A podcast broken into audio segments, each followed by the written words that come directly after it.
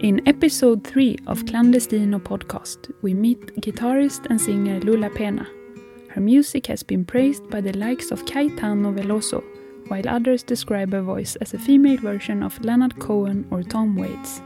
Traces of French chanson, bossa nova, and Greek traditional music can be heard in Lola Pena's songs, blending with the music she once became known for, the Portuguese fado. Marcus Gorsch interviewed Lola Pena just before a concert arranged by Clandestino Festival at Folkteatern in Gothenburg, Sweden. Ai na casa dos carneiros sete candeeiros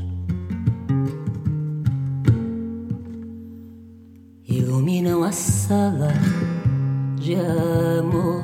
São sete violas sem clamor e são sete cantadores são Sete tiranas de amor para amiga em flor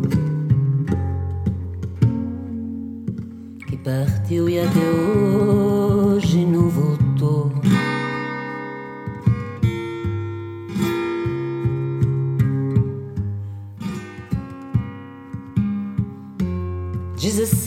Minha conta Vem amiga e conta uma coisa linda pra mim.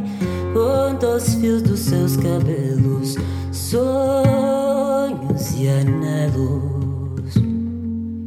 Conta-me se o amor não tem fim, abre amiga ruim. Welcome Lula Pena to uh, Gothenburg, Sweden, and welcome to Clandestino podcast. Much, Marcus. So I, I want to uh, start by asking you how you first uh, developed an interest in music and poetry, and how you began uh, to play and to write uh, yourself. And I understand that very early on you developed a, a, a great interest for sound. it's true. Um, I vividly remember still. Um, uh, an exercise teacher, um, a primary school teacher, would uh, make with us, which was going to the playground, backyard, and uh, we would go outside. And she asked us to close our eyes and start to to write uh, all the sounds we could hear. So that could be anything: uh, a leaf that falls, a train passing by, uh, whatever, somebody talking and I remember that was my it was a big stimulus for me by that time. Also, um, in parallel, my father was a big fan of uh, radio, so I got exposed as well to this possibility of um, searching for fr- some frequencies and hearing all kinds of uh, things happening all of a sudden changement. So I, I think I not not at that time, but I think it became um, kind of petition to um, make composition. Um, and it was a lot of fun, uh, especially when we go into this ghostly, not FM, but AM. So you could just reach, I don't know, North Africa. Uh, so you start to hear strange things. Uh, strange because your ear never experienced that. And then I think both was the big, um, the big bang. towards my consciousness of um, thinking about that, or at least having pleasure with that. And then there was a guitar in the house, um, and I start to play. I start to discover. I'm totally autodidact musician. Um, it's part of uh, refusing uh, what your mother or your parents suggest to you. What did they suggest? Uh, to to go to a music school uh, at, a, certain moment. So I, um, because we because I was so engaged with playing guitar and singing and doing all these tapings uh, experiments with radio, that I decided no, because then I had to follow a certain path, um, and I didn't want to be this. Uh, I mean, follow these expectations on that path. I mean, if there's a passion, if there's something that um, wakes you up in different ways, there's all paths possible to go. Ay, linda amiga, que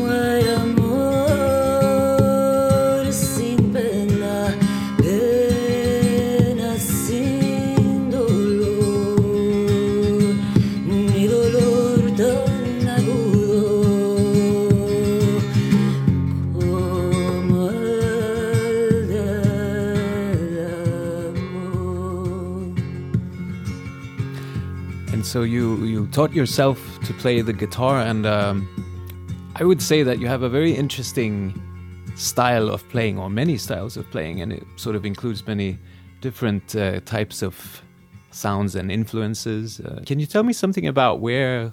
How, where did those ideas or styles come to you? Yeah, I think again it's um, the listening, and uh, because being a musician is mostly listening um, and learn and develop the skill of listening. Uh, and um, I think the technique on the guitar um, came by listening, by the fact that I was playing alone. So uh, there's a lot of silence, but silence is not just a pose of what I was doing. Po- uh, silence was also a note, a uh, an element that can be part of my composition. So I start to hear little things, like my finger dropping to the, the body on the guitar that would make a little sound. So once I realized that, I spot that uh, those little sounds.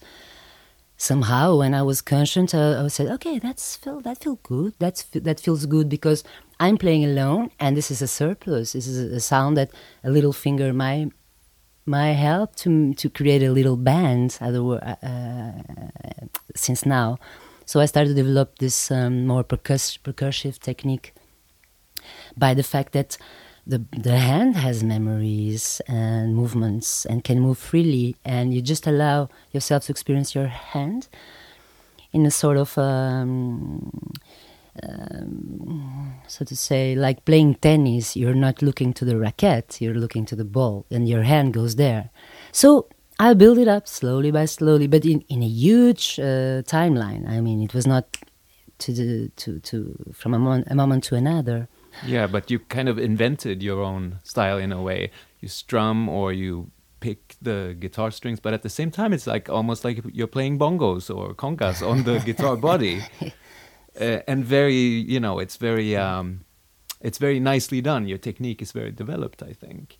So, uh, Yeah, it's it's um, it's, is it like tennis? You just practice and then suddenly it happens. Exactly. I think it's um, it, empiric empiric experience. I mean, I didn't. Uh, it's true. Sometimes people ask if I could make um, a sort of um, master class or workshop to about my technique on the guitar. And I, I start to realize it now that um, I never thought about it. It was t- purely intuitively done, but it's something that happened in 20 years. I mean, uh, yes, I understood uh, uh, that I was playing very minimalistic guitar in the beginning, very very minimalistic guitar, and then I became in a into a very orchestra orchestrated guitar because there's like you said percussion, bass line, melody, sometimes all everything happening at the same time. And um, I mean, I can't think, I can't process all that information, but I can give it time now and consciousness to uh, to try to make it um, in a sort of a IKEA uh, build yourself. I will try.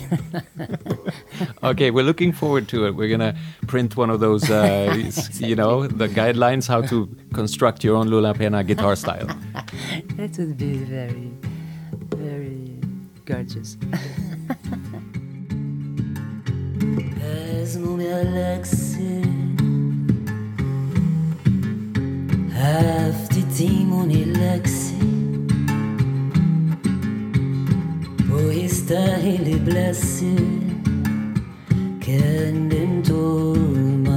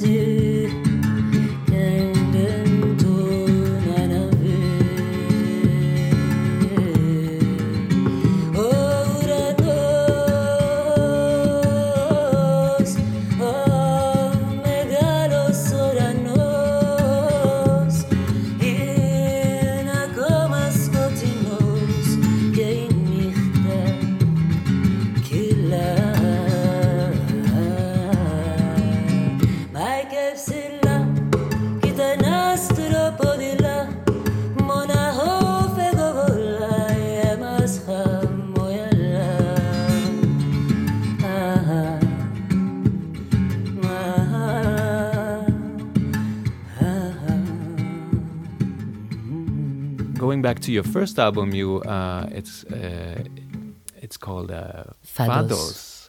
and Fado is uh, of course a, a style that is usually associated with Portugal. And um, you you you re- made this record when you didn't live in Portugal, and then later on when you came back to Portugal, your music opened up to many different styles. So here's my theory: is that in a way, in your music, there's also an element of longing for the other place. Well, That it's sort of this vehicle which you can use to, you know, travel through those emotions. yeah, amazing you said that because uh, you're totally right. I I was conscious uh, in a certain moment that my approach to fado was easily happening because I was not living in that culture. It was not a real longing in a sense of that's where I belong. Um, it was something that uh, I was connected. Uh, but because then with my traveling, I felt connected. I, I, I, felt that I belonged in so many places I've been. Like, I'm feel I, I feel so comfortable here. It's so it's so familiar for me. So um, the distance and how to uh, uh, annulate it. That's the belonging. It's like how you don't feel the distance anymore. What things you can evoke to not uh, feel that you are far from. So I think Fado in the first uh, album was that was that uh, kind of um, feeling comfortable because uh, feeling comfortable to not to play or to explore Fado and the the um, Brazilian music and Cape Verdean music at that time because I wanted to just deconstruct Fado as well. Since Fado was not only in, happening in Portugal, but everywhere with, where Portuguese language were spoken. So I did it, and it's true that if I was in Portugal by the time, I probably have done I don't know uh, throat tuva, throat singing. I don't know. I'm joking, but uh, it's true that we need some distance to get to know where you where you are. It's like you have to climb all the way up to the top of the mountain to see how beautiful the village is, right? From a distance. Yeah, and the path you just walk. I mean, this is uh, what, what what is interesting is the way you do, how you climb that mountain, and which path you choose, which moment you just decide to turn back and see where are you going, where you just left, and where are you going. And that's that creates this is real time composition of all of everything that makes us human beings. Uh, all those perceptions. So uh, yeah, even walking is part of my methods, if we can call it, of uh, experience music. I like to just arrive to a city not knowing anything, not having a map, and just get lost myself. And then realize that I, I, I, I go to the po- to the points. I go. I, I reach the spots that are in my unconscious and uh, and it is a spiritual um, experience, of course. If you lost yourself, you will find you. But it's it, it sounds to me like you to do that, you need to keep your ears and your mind and your heart open, Sure. right? And there are very strong mechanisms in today's culture that try to they try to defeat that uh, Mm-hmm. the impulse of being open-eared and open-minded Mhm. and to pay attention because everything needs to be very well organized. I mean, you know, for this interview to happen, we had to make sure that we were here at the same time, Sure. and for the concert as well. So, uh, in a way, it's. Uh, do you find it hard to stay in that mode that you're talking about to explore the path on the way up to the top of the mountain and to? Uh, being being an independent artist or independent musician, uh, I spent all my life on in that uh, in that waves of flowing. Uh, of course, things net needs to be punctuated because there's rhythm all the time. I mean, you can't avoid rhythm. Concert da- dates, um, also traveling, also uh, interviews, also. So the rest I try to to let it uh, as free as possible. Uh, of course, life demands you a lot of uh, tough things like bureaucracy, finances. Uh, it's crazy. I mean, you just you feel you feel a slave to, uh, and uh, sort of a childish way of doing things when you just got to know there's the universe and then you have to fill a paper. it's a little bit uh, I don't know. You have to you have to breathe deeply to say okay, let's why not? But One paper at a time. I uh, I'm not easy person to to just make it. I mean to, to just accept easily that okay, I have to do this. So I normally do it at last minute, last moment, last everything. So I, I risk much more danger, and that's my life. And I try as much as I can to be free, but as uh, it's not uh, really. I mean, it's, still an utopia uh, to work on. But I feel that we need to be more to do on by on doing that, because if you're just alone on your inten- utopian uh, intention, um, people will easily point at you saying, "No, no, you're you're you're a wild one." But we all are wild. We are just accepting this domestication uh, of doing certain things in a certain way. And the terror nowadays is that we're not thinking it an- anymore. We're not doubting. We're not questioning. And that's dangerous. Se um português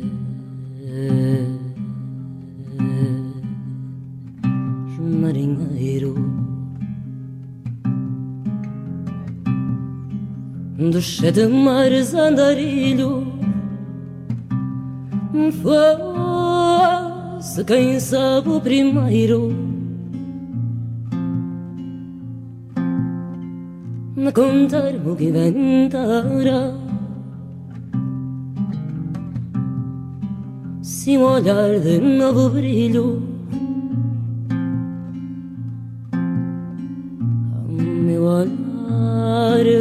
abraçasse. Que perfeito coração. No meu peito bateria.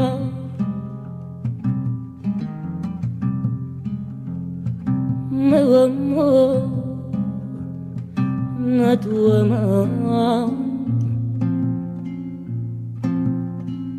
nessa mão onde perfeito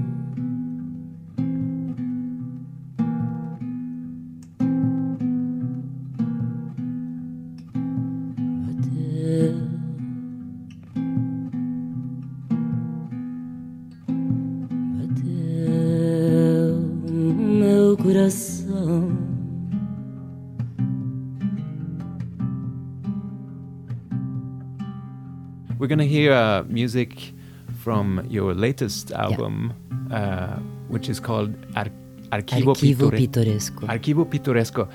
Can you just explain to me what is it an archive of? Uh, well, an archive is an archive of it's a collection of things, and then you organize it the way you, I mean, the, the archivist should have something in mind or not. Well, in this case, it's you. Yeah. Uh, but pittoresco, because you, you- that you recognize the word, right? Pittoresco is uh, sort of pictorial.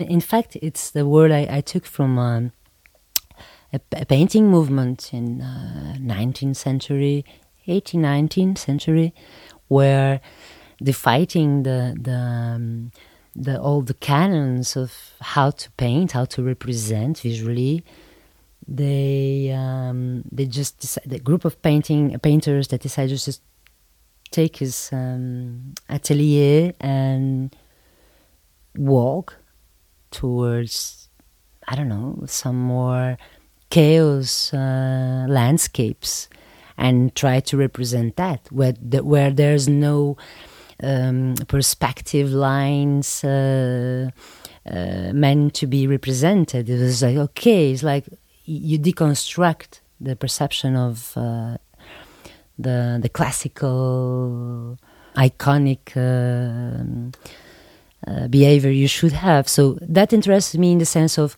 how to create strange things because when I'm playing so organic, it's never too accurate. There's always something the organic that is slightly un unplaced, uh, but it's I mean, it's part of the, um, the, the the instrument because my voice and my body and my guitar becomes the whole because it becomes a whole instrument, the same instrument. So it's the the speciality of uh, the particularities of that of that instrument, and that means this accepting the strangeness, the, the strangeness of um, like we do if you hear as Occidental Western people, we tend to realize that is maybe not in tune when we hear Oriental scales or something else because we're not used to.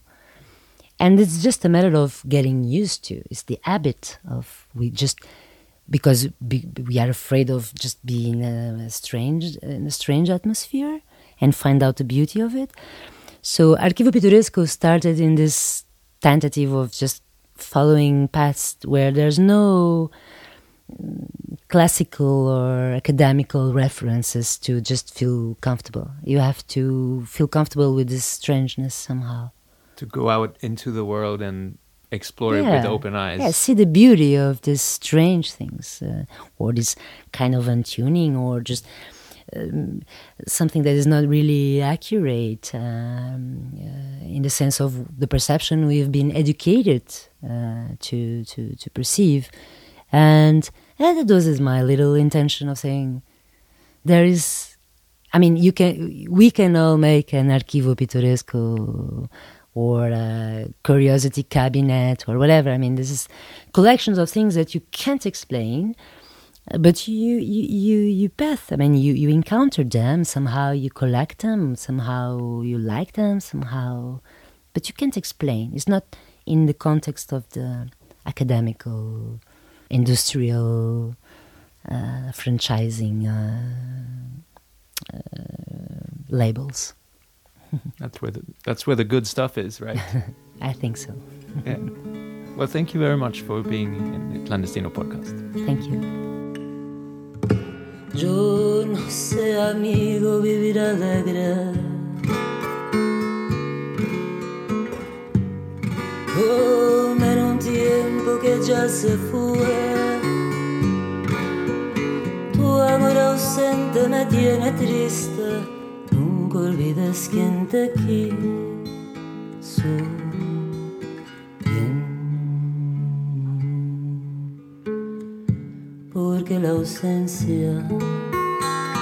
es tan cruel dolor. Si acaso olvidas a quien te adora, a quien un día el alma te dio.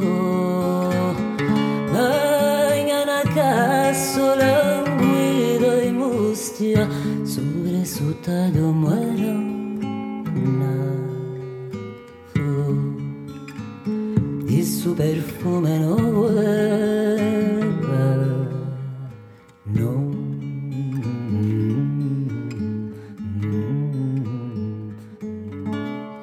Ausencia bailura pena.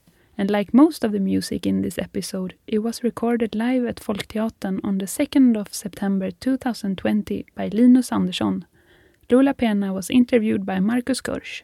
For more information about Clandestino Festival and podcast, visit clandestinofestival.org.